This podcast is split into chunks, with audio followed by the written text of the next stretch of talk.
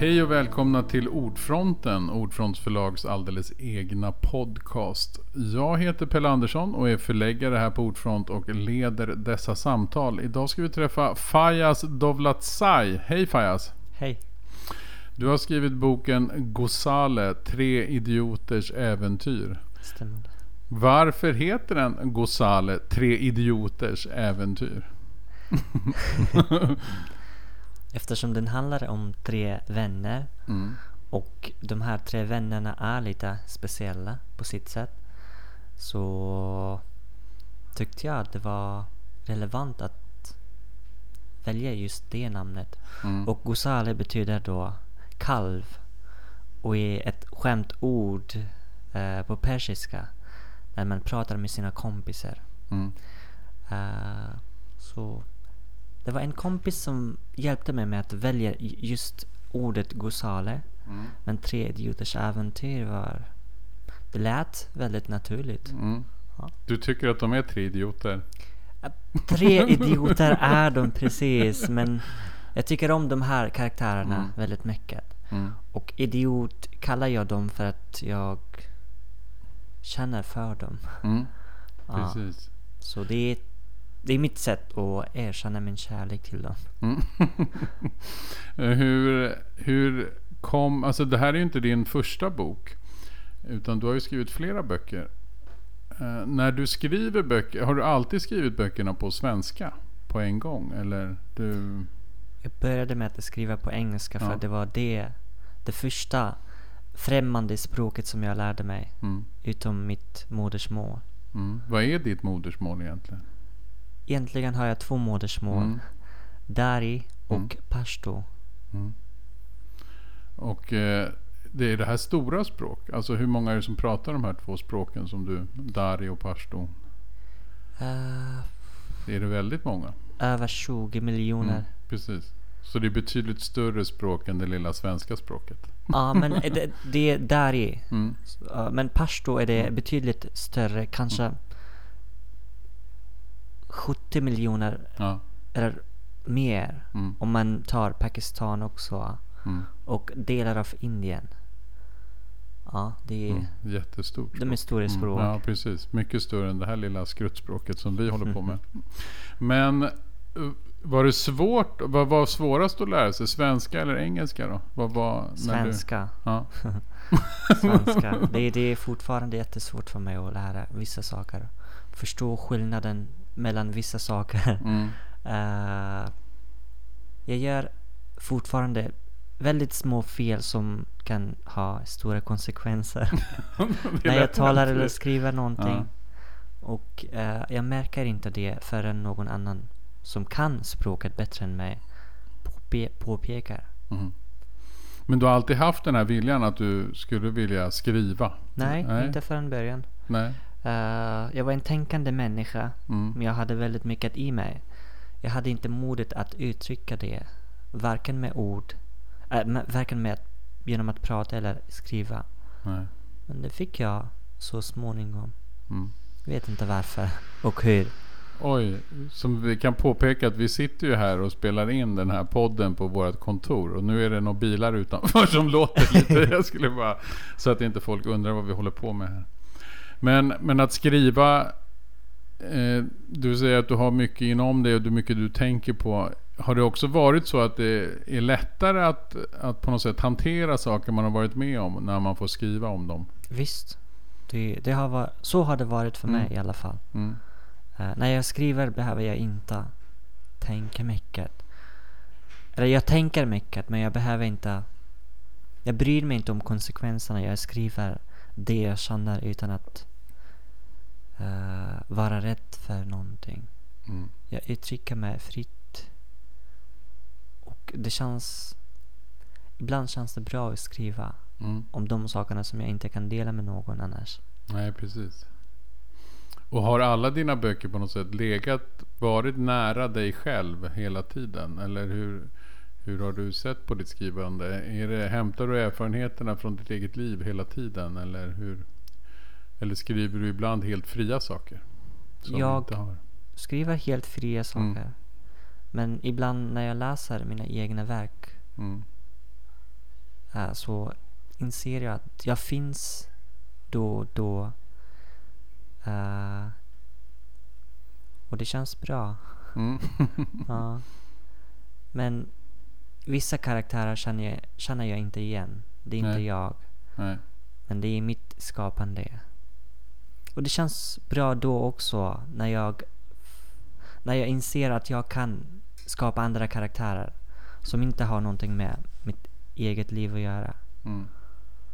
Ja.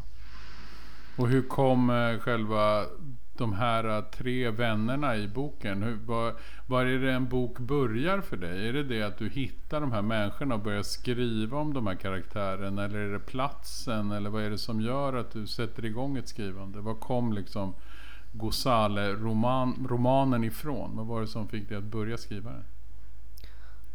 Ett väldigt gammalt minne Mm. av hunger och ensamhet. Jag hade inte kompisar när jag var liten. Jag Mm. hade syskon. Men vi var inte riktigt nära som syskon brukar vara. Eh, som barn var, var jag väldigt blyg och jag svettades mycket. jag Okej, vågade inte nej. prata med människor. Eh, så det, det var ett minne. En väldigt kall natt. eh, när det regnade och snöade samtidigt och Mm. Vinden blåste. Det var jättekallt, jag var hungrig, jag kunde inte sova. Hela boken började därifrån. Mm. Och sen hittade jag på karaktärerna. De kom vartefter. Exakt. Mm. Och är det karaktärer du har mött själv i livet eller är de bara fria fantasier? Är det män, eller hämtar du från massa människor du stöter på? Så, ja. Mm. Jag... De här tre personerna är kanske 10, 15, 20 personer. Mm. Så jag har samlat ihop dem och skapat tre karaktärer. Mm. Och du säger själv att Ghazali-boken är ganska självbiografisk. Är det mycket av sakerna som du själv har upplevt och som du tycker är viktiga för dig att liksom förmedla? Varför ville du skriva just det här? Var det för att du ville också påverka oss eller påverka andra? Eller är mest skrivandet för din egen skull? Att Det finns mycket av mitt eget liv i boken. Men sen finns det saker som jag har hört andra människor uppleva. Och målet med att skriva just den här boken har varit att ge en smak av livet i Afghanistan Mm. till svenskar. Mm. Speciellt för barn.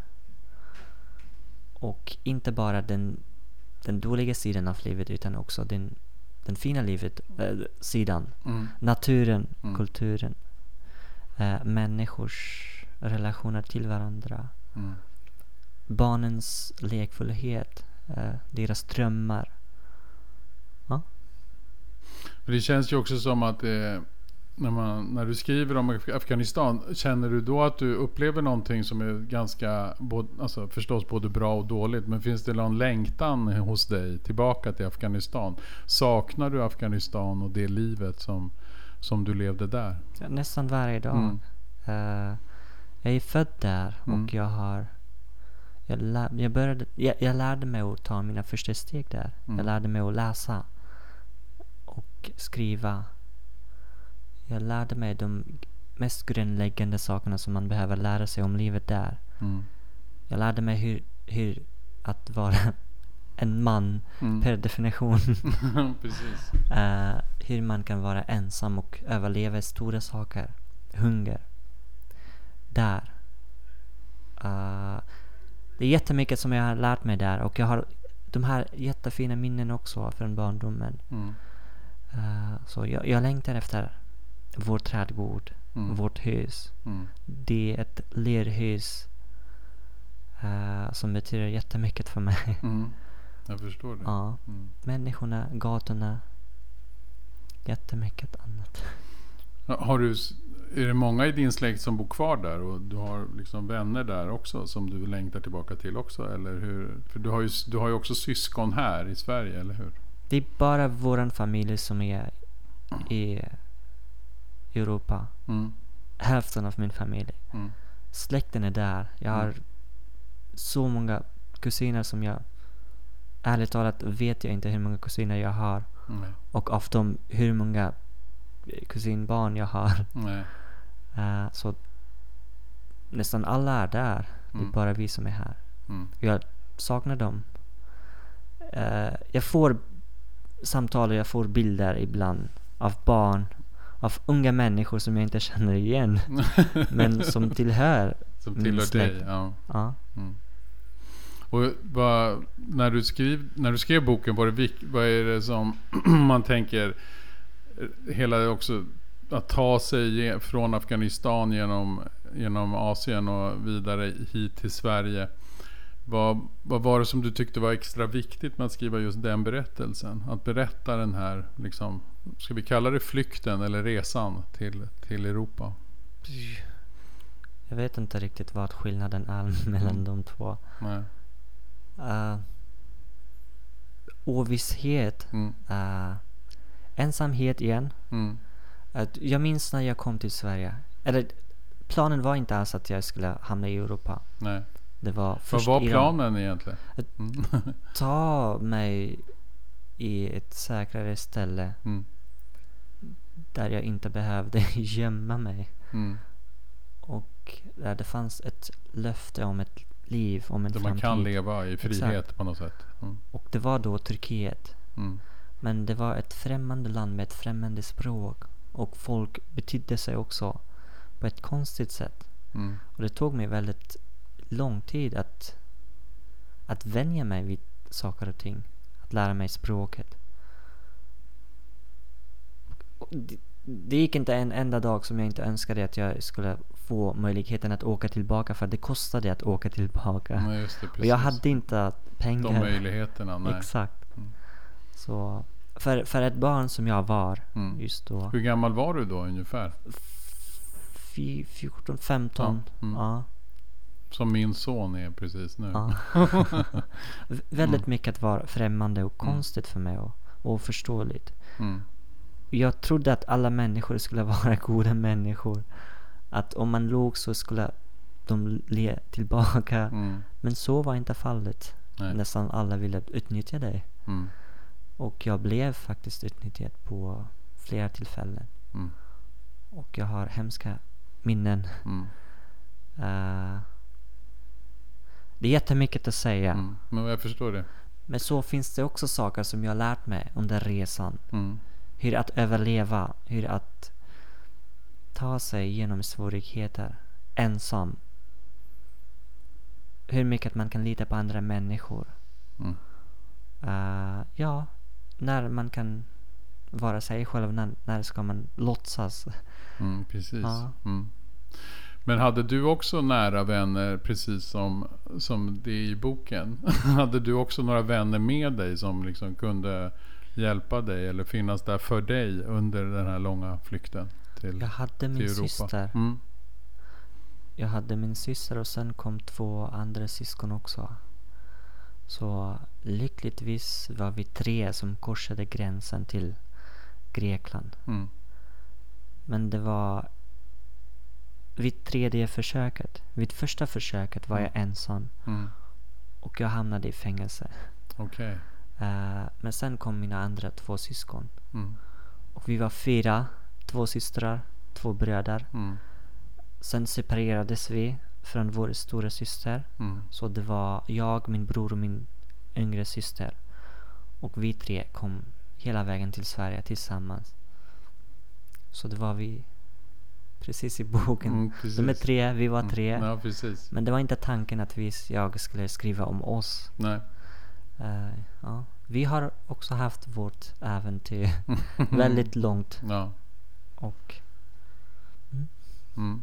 Men då har du hämtat mycket ändå från ditt eget liv när du har skrivit boken. ja, Du- mm. Känner du igen dig i, i huvudpersonen själv också? ja mycket. ja. Men han är väldigt lik mig samtidigt som han är väldigt... Han är exakta motsatsen. Mm. Han vågar, han, han säger, han gör saker. Jag var inte så, jag var blyg, jag, jag Mm. vågade inte.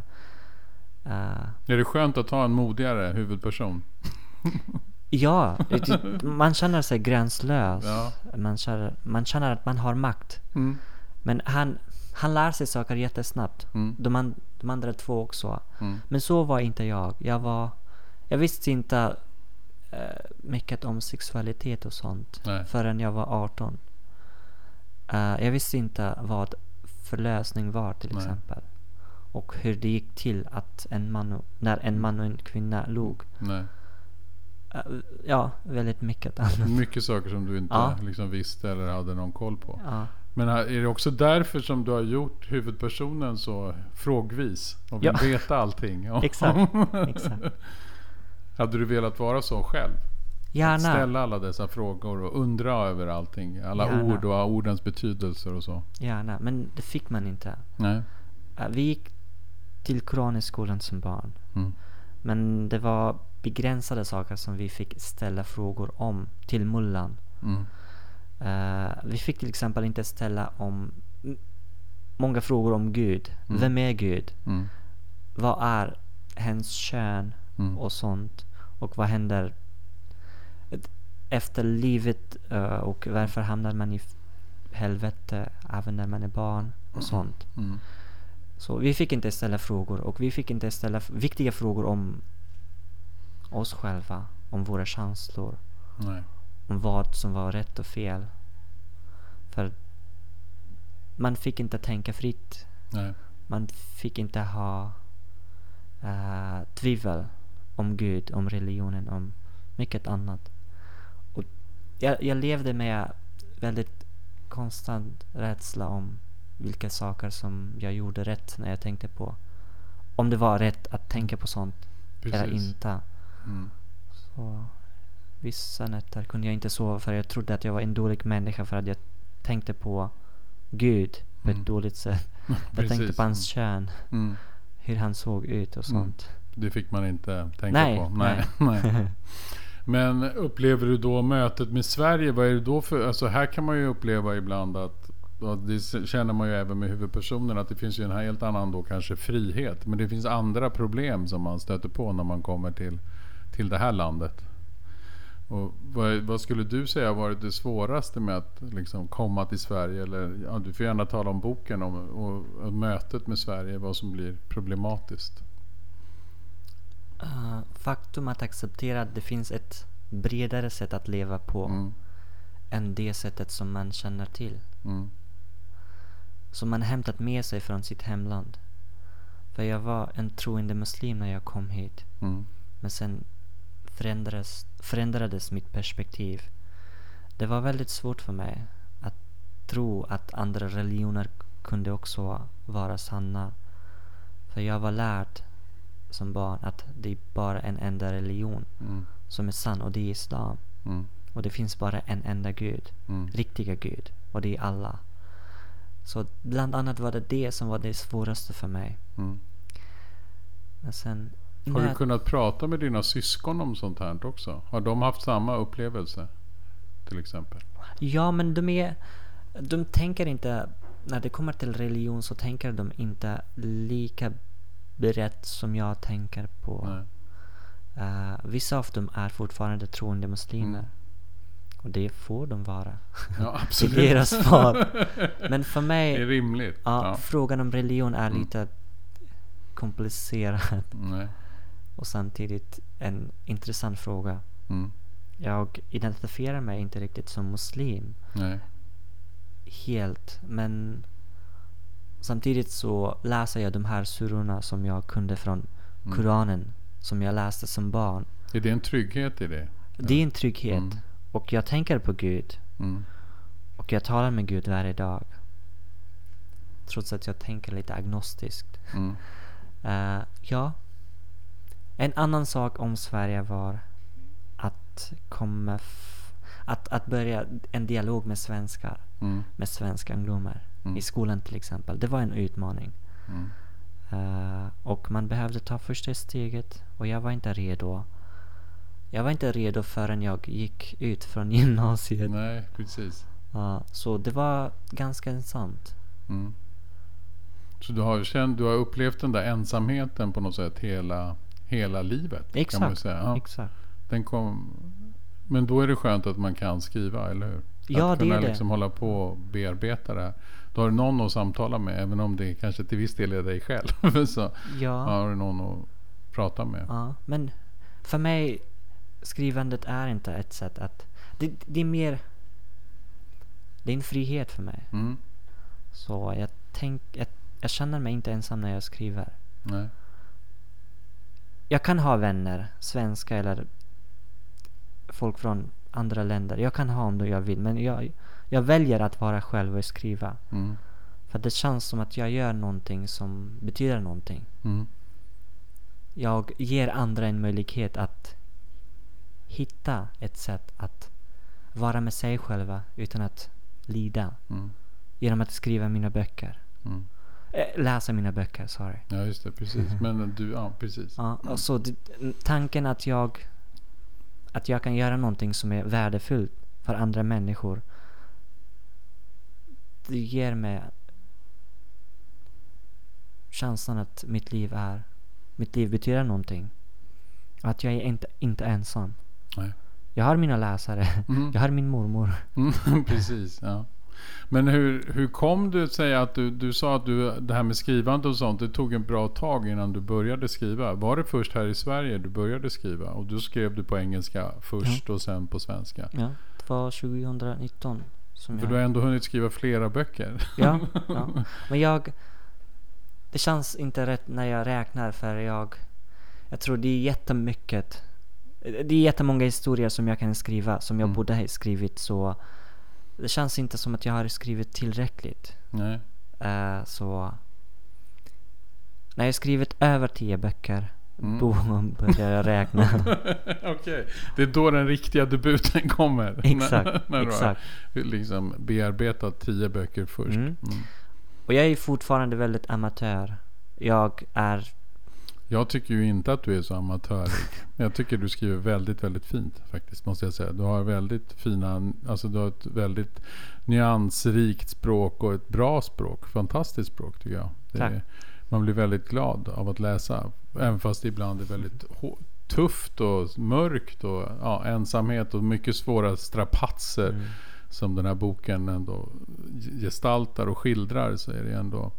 Det finns väldigt mycket humor också i, i boken. Mm. Ja. Var det viktigt också? Att man skulle kunna skratta med, med de här personerna? Ja, för jag vet, jag vet att jag är inte ensam som... När jag, när jag säger att jag är flykting så Mm. är jag inte ensam. Nej, Jag är inte den första eller den enda som kursat havet. nej, Som sett de här hemskheterna. nej. Så det är väldigt många liknande historier. Så jag behövde göra någonting annorlunda när jag berättade min historia. Precis. För att göra det läsbart Mm. och läsvärd. Mm. Så jag hittade humör. Mm. Du gjorde det. Och hur hittade du... Hur har du fått liksom... eh, Har du haft många läsare runt dig? Finns det människor som är med dig i det här? Finns det några runt dig som också läser och som du skriver med? Har du vänner runt det här också? Skrivandet? Finns det någon som du kan Tyvärr. vända dig till? Nej. Tyvärr, jag är ensam. Jag har Atti. Mm, just det. Ja, Den tidigare kompis. förläggaren. Och, Exakt. Ja. Så jag bollar idéer med henne. Hon, hon läser, hon ger feedback. Mm. Eh, nu har jag dig. ja, precis. Nu har du ju ett förlag. Men, Då ska ja. man använda det. Det ska man göra ordentligt. Men Mm. inte andra. Vänner. Vänner har jag inte som är intresserade av skrivandet som jag. Nej. Så där är jag ensam. Mm. Och det känns tufft. Mm. Jag, jag skulle gärna vilja ha en vän som är i Men samma som ålder som kunde, jag. Ja, precis. Som du kunde bolla med och Exakt. prata med. Och, du har inte funderat på att gå någon skrivarkurs eller skrivarlinje eller sådär? Att gå en utbildning där man lär sig skriva. Jag har tagit högskolekurser. Mm. eh, men jag har inte hittat någon som jag kan klicka med. Nej, precis. Jag, jag, och det är naturligt för vi tänker ju annorlunda. Alla tänker på ett... På visst Särskilt sätt. sätt, ja. Man måste hitta någon som man kan Ja. vara nära. Mm. Och det är inte lätt för mig att börja prata med vem som helst. Nej. Jag tror jag har, jag har ärvt det här från Sverige. ja, just det. Ja, du har blivit svensk. Man är lite solitär. Man, förut var jag, mm. Hade jag väldigt lätt att gå fram, börja dialog. Jag är fortfarande så, men jag är, jag är äh, aktsam. Mm. Jag, Du är försiktig. Mm. precis, Mm. jag tar tid. Mm. Jag är äh, tålmodig. Men vad är det som är roligast med själva skrivandet? Vad är det du finner nöje i? Vad är det som gör att du ändå återkommer till skrivandet hela tiden? Och vill skriva mer? För du har ju faktiskt börjat på en ny roman redan. Mm. Som du har skickat till mig. Ja. Ja. Eh, det, det är mycket, men när jag, när jag skriver... När jag känner mig nöjd med ett stycke, då, då, den känslan kan jag inte få av någonting annat. Nej. Det kan vara ett paragraf. Om jag är nöjd med det, Mm. då är jag glad. Mm. Och är det också så att det återkommer de där stunderna hela tiden? Är det som att du, eller går du in i ett flöde och sen så skriver du väldigt, väldigt länge och väldigt mycket på en sak? Eller är det som att du går och samlar på dig berättelser och hittar berättelser? Eller hur, hur går den där processen till? För du måste ju ha väldigt mycket minnen och bilder och saker att skriva om från ditt mycket händelserika liv. Mm. Jag brukar ge idén om att skriva en bok minst en månad Mm. för att bli säker på att det här är någonting jag vill verkligen göra. Mm. För annars kan det hända att eh, efter sida 50 tappar jag lust. Mm. Och då vill jag inte se vad jag har skrivit. Nej, nej, jag förstår. Mm. Eh, och så en månad. Mm. Och då tänker jag på karaktärerna. Eller huvudkaraktären, vilken person den ska vara. Vilka av mina egna erfarenheter ska han innehålla, Mm. hans liv. Mm. Och vilka andra karaktärerna, äh, karaktärer som ska finnas. Mm. Vad det största problemet ska vara i... Just det. Vad skulle du säga är det största problemet i Gosale? Det, det är inte bara ett problem. Det är många problem. ja, precis. Eh, Ja. Han, han lever i ovisshet hela Mm. sitt unga liv. Mm. Och sen när han tar reda på sanningen så finns det ingen som, som kan besvara hans frågor. Nej, precis. Så det är en, en. Det är en stor problem. fråga. Mm. Precis. Mm. Och sen det finns ingen som i familjen som, som ger honom kärlek. Nej. Så han, Han längtar efter kärlek Exakt. hela vägen i hela boken Ja. igenom. mm. Och han är ensam trots att han har sina kompisar med Mm, sig. precis. Eh, det är också ett problem. Mm. Vad skulle du säga är hans största styrka då? Skulle du definiera som hans styrka? Ja. Att han tar sig igenom saker Mm. oavsett. Mm. Att han inte ger upp Nej. helt. Ja. Han vill dö men samtidigt vågar han inte. Nej, precis. För att det är en han väldig tur på något Exakt. sätt. Han tror att det finns någonting. Mm. Det finns någonting mer än Mm. det som han sett hittills. Han vet inte vad men Mm. han han ser fram emot någonting som är bättre. Vad skulle du säga att nästa bok egentligen då handlar om? Vad är det? Jag har inte hunnit läsa än. Men vad är det som skulle vara... Är det väldigt mycket Sverige i den boken? Eller är det fortfarande minnen från Afghanistan och så? Minnen Nej. från Afghanistan, Mm. väldigt mycket Finns Sverige. alltid där. du du jag, längtar. jag kan inte, jag kan inte i- föreställa mig en bok där det inte finns Afghanistan i Nej, den. nej, Det går nej. helt enkelt inte. För Jag förstår det. jag har Afghanistan med mig Mm. varje dag. Mm. Det är som en stor ryggsäck. Ja, Mm. exakt. Ja, nästa bok. Det är en person som, som är i konflikt med sig själv. Mm. Eh, och han har de här mörka tankarna. Mm. farliga tankarna. Och han, han försöker hitta olika sätt att bearbeta det som hänt honom som barn. Mm. Det som han gjort och det som gjorts åt honom. Så han är, han är en... Han har en väldigt gränslös fantasi. Mm. Uh, han sexfantiserar mycket. Mm. Det är hans sätt att att rymma från verkligheten. Mm. Att, uh, ja. Och sen han är väldigt ensam också, Mm. den här Mm. killen. Han är så ensam att jag även grät när jag skrev. Mm. Jag kunde inte... Det kom en punkt där jag inte kunde känna igen mig själv i honom. Han var en helt annan person. Mm. Och då tyckte jag synd om honom. Mm. Och jag grät. Mm. Men jag var så inne i karaktären att jag inte kunde sluta skriva. Nej. Det måste gå den här vägen. Eller det måste bli så här. Ja. Det är, För så är det. Mm, Ibland mm. tycker jag inte om det jag skriver. Men jag måste göra för jag kan inte bara skriva snälla saker. nej. Vissa karaktärer, Det måste bli så här. Exakt, Det, det ja. finns en logik i berättelsen som Ja. tvingar dem dit de Mm. är. Mm. tyvärr får jag kritik ibland Mm. för det. Men jag bryr mig inte. Jag, jag, kan inte. jag kan inte begränsa mig. Nej, Bara det för ska att du vissa, inte heller göra. Exakt. Nej. Man Så. måste ju skriva så ärligt man kan Mm. på något sätt.